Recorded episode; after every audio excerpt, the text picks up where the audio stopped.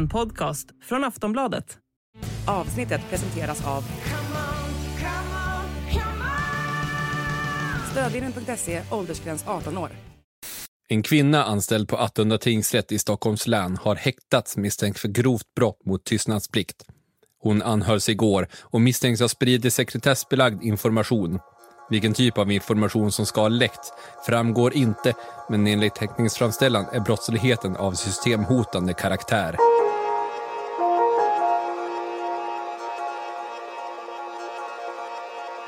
Flera tongivande figurer i det kriminella nätverket började plötsligt ändra sitt beteende. De slutade tvärt att prata så öppet som de gjort tidigare i sina telefoner och kunde på så vis jäcka polisen. Gång på gång. Det verkade finnas en mullvad någonstans som varnade och försåg gänget med information om pågående polisiära insatser. I början misstänktes att läckan kanske kunde finnas inom den egna kåren. Inom polisen. Men spåren pekade snart mot ett helt annat håll och en annan myndighet. En ung kvinna på en domstol. Det här är Tingsrättsläckan. Ett avsnitt av podden Aftonbladet Krim. Jag heter Anders Johansson.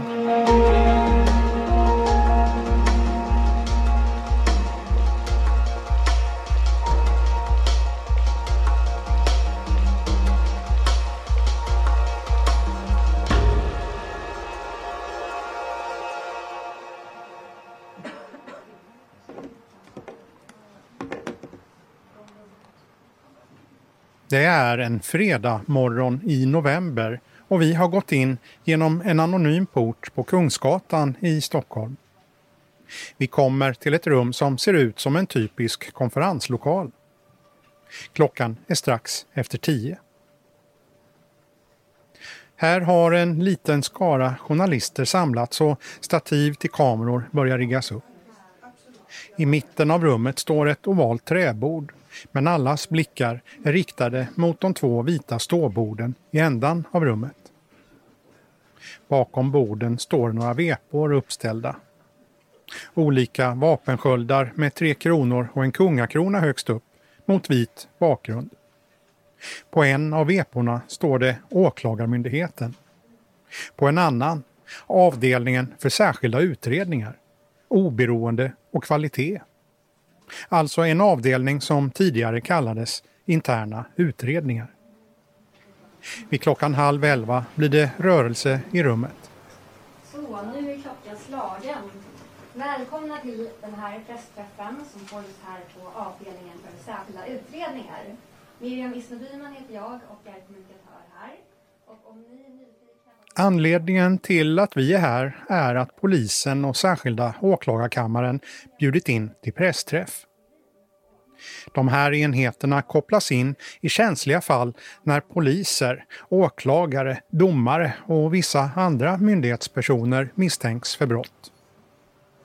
Nu handlar det om att åtal väckts i ett uppmärksammat mål. Vid ståborden ställer sig chefsåklagare Per Nichols och enhetschef Anna Benedetti. TV-teamens kameror rullar. Per Nichols inleder. Tack så mycket. Tack för att ni kommer hit och skälet till att vi har kallat till den här pressträffen det är att jag idag har väckt åtal i ett ärende som gäller en del allvarliga gärningar där jag lägger till last nu en person anställd på Attunda tingsrätt. Gärningar som handlar om att eh, den personen har brutit mot eh, regler om att man inte får lämna ut sekretessbelagda handlingar eller uppgifter. Jag har väckt Målet som den här pressträffen handlar om låter kanske först lite torrt. Grovt brott mot tystnadsplikt. Flera fall av dataintrång. Rubriceringar som vanligtvis inte leder till någon livesänd pressträff med representanter från Sveriges största mediehus. Men det här fallet är speciellt. Bakom åtalspunkterna gömmer sig en historia som tagen ur en deckare. Ett fall där en kärlekshistoria misstänks leda till att en domstolsanställd bedrar sin egen arbetsplats och börjar arbeta för dem som hon och hennes kollegor egentligen är anställda för att bekämpa.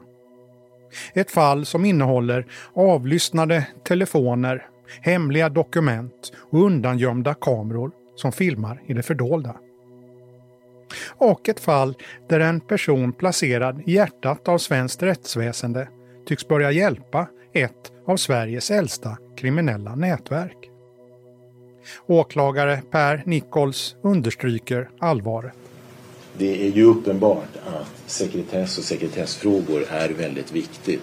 Det är grundläggande för att eh, de rättsvårdande myndigheterna ska kunna bedriva sitt arbete. Och om då någon bryter mot den här sekretessen så blir det eh, automatiskt mer eller mindre en katastrof för hela maskineriet. Så det gäller egentligen inte bara eh, polisen utan det här slår ju igenom för såväl polis, åklagarmyndigheten och naturligtvis för, för domstolarna och därmed så kan man säga att det här är systempåverkande och det här är också någonting som jag eh, påstår i min gärning att jag säger att det här är alltså brottslighet som undergräver och är systemhotande. Och det är av det skälet att om inte polis, åklagare, domstolar kan bedriva sitt arbete så som är tänkt enligt gällande lagstiftning, då är det automatiskt också ett samhällsproblem.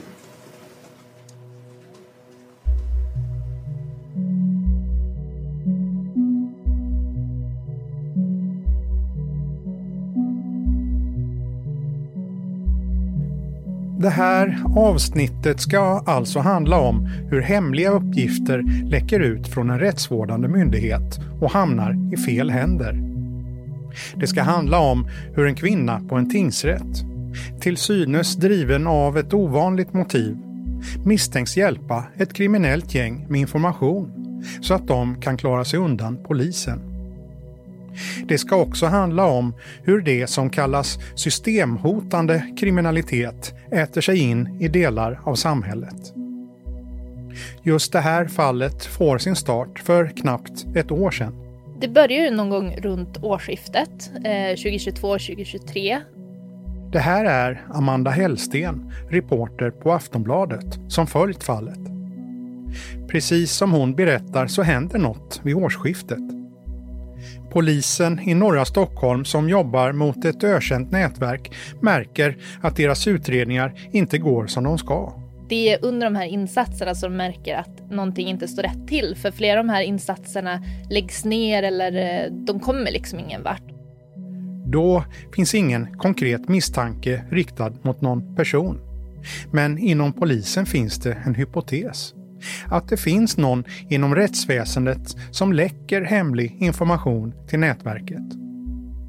Efter några månader vänder sig polisen till särskilda utredningar. Den fristående avdelning inom polisen som bland annat utreder poliser misstänkta för brott. Jag får eh, ett telefonsamtal utifrån eh, lokalpolisområdeschefen ute i Sollentuna. Det här är Anna Benedetti, enhetschef på särskilda utredningar de upplevde när de jobbar mot de kriminella nätverken ute lokalt att eh, eh, de hade ändrat beteende. Det var, eh, de var vaksamma på ett sätt som de inte hade varit förut och, och framför allt får man väl säga så var de vaksamma de, de individer som var direkt föremål för polisens eh, insatser kan vi säga. Den sak som kanske framförallt väckt misstankarna gäller nätverkets telefonanvändning. Polisen hade i flera insatser beslutat sig för att avlyssna misstänkta gängmedlemmars telefoner. Men kort efter att de börjat lyssna på samtalen hände något. Helt plötsligt upptäcker de att de säger ingenting längre i samtalen som avlyssnas. Och då börjar polisen förstå att det här nätverket känner ju till att polisen lyssnar av dem. När Anna Benedetti först får höra om ärendet är misstankarna förhållandevis vaga. Det var ju lite magert då, eh, men sen efter ett tag eh, igen så blev jag kontaktad och då lämnade de in underlag för en polisanmälan då kring eh, läckage helt enkelt. Eh, man misstänkte att eh, kriminella som de hade fått beslut på eh, om hemliga tvångsmedel blev varnade helt enkelt. Och då beslutade eh, särskilda åklagarkammaren att inleda en förundersökning och då hamnar det på utredningsenheten där jag jobbar då. I det här skedet har varken polis eller åklagare en aning om var läckan finns. Nej, det visste vi inte, utan det första jobbet blev egentligen att ta reda på vilka myndigheter eller funktioner eller eh, ja, personer hanterar den här typen av material. Eftersom den här typen av beslut hanteras av flera olika myndigheter arbetar de interna utredarna brett. Det var ett pusslande från början eh, för att på något vis eh, ringa in vartifrån det skulle kunna vara ett läckage. Då. Och ganska så snart så kunde vi ringa in att det var, ehm, ja men i det här fallet då Domstolsverket och eh, ehm, funktioner då på där den här kvinnan är anställd på tingsrätten Attunda. Att det var där som, som eh, vi skulle rikta våra insatser. Personen som misstankarna riktas mot är en kvinna i 30-årsåldern. Hon är ju 32 år gammal då. Hon är ensamstående mamma. Vanlig, relativt vanlig kvinna ändå av vad som framkommer i förundersökningen. Inget sådär som, inget särskilt som sticker ut egentligen. Sedan några år har hon jobbat på Attunda tingsrätt i Sollentuna norr om Stockholm. Hon jobbar ju som handläggare, eh, vilket hon har gjort sedan några år tillbaka. Eh, så hon har ju jobbat på tingsrätten en längre tid ändå och som handläggare då som sagt. En domstolshandläggare utför en mängd praktiska och administrativa uppgifter. I tjänsten får de insyn i en mängd mål och tillgång till hemliga uppgifter. När förundersökningen koncentrerat sig på den 32-åriga kvinnan genomförs en mängd utredningsåtgärder. När åklagaren tyckte att han hade tillräckligt mycket för att eh, eh, misstänka en person då, eh, då beslutade han om ett antal hemliga tvångsmedel i sin tur då eh, gentemot henne. Eh, och det var en mängd hemliga tvångsmedel. Det var avlyssning av telefon, det var hemlig dataavläsning och det var även hemlig kameraövervakning. Bland annat sätter polisen upp en hemlig kamera i taket, osynligt, precis ovanför kvinnans skrivbord inne på tingsrätten. Så via den har de kunnat se när hon sitter och jobbar, vad hon gör, vad som kommer upp på hennes dator och liknande. Eh, så det är ju både avlyssning då och att de har övervakat henne, bland annat. Och det är ju det också som är en del av bevisningen mot henne då. Att de satte upp kameran där var ingen slump. Eftersom eh, i det läget så uppfattar vi att brotten begicks på arbetsplatsen, det vill säga eh, kontorsrummet på Attunda tingsrätt, så var det där vi fick beslut om att eh, sätta upp en kamera. Under utredningens gång ser polisen ett mönster som stärker bilden av att kvinnan ägnar sig åt saker som inte ligger i linje med hennes arbetsbeskrivning. Och de märker att hon till exempel har varit inne i många ärenden som hon inte ska jobba med. Hon har loggat in väldigt många gånger för de har ju system där de kan se vilka som är inne i ärendena och inte. Och till exempel då med den här kvinnan så märkte de att hon har varit inne i mycket som hon inte jobbar med. Ganska snart efter att de satt igång utredningen känner polisen att de är på rätt spår. Men det gick relativt snabbt där jag kände mig trygg med att eftersom vi satsade väldigt mycket resurser och eh, ja, insatser på det här ärendet utifrån dess karaktär så var det för mig som chef eh, så kände jag inom bara några dagar att eh, vi var på rätt spår och att eh, det kändes tryggt med den insatsen vi ändå la in i det här att eh, det här är det här, vi ligger rätt här så att säga. Så det gick fort. Efter bara några veckors utredning känner sig polis och åklagare säkra på sin sak och slår till. Den 32-åriga kvinnan grips den 20 september. Så länge vi låter det här så att säga fortgå så finns det ju risker med det. Så att därav att det blev väldigt intensivt.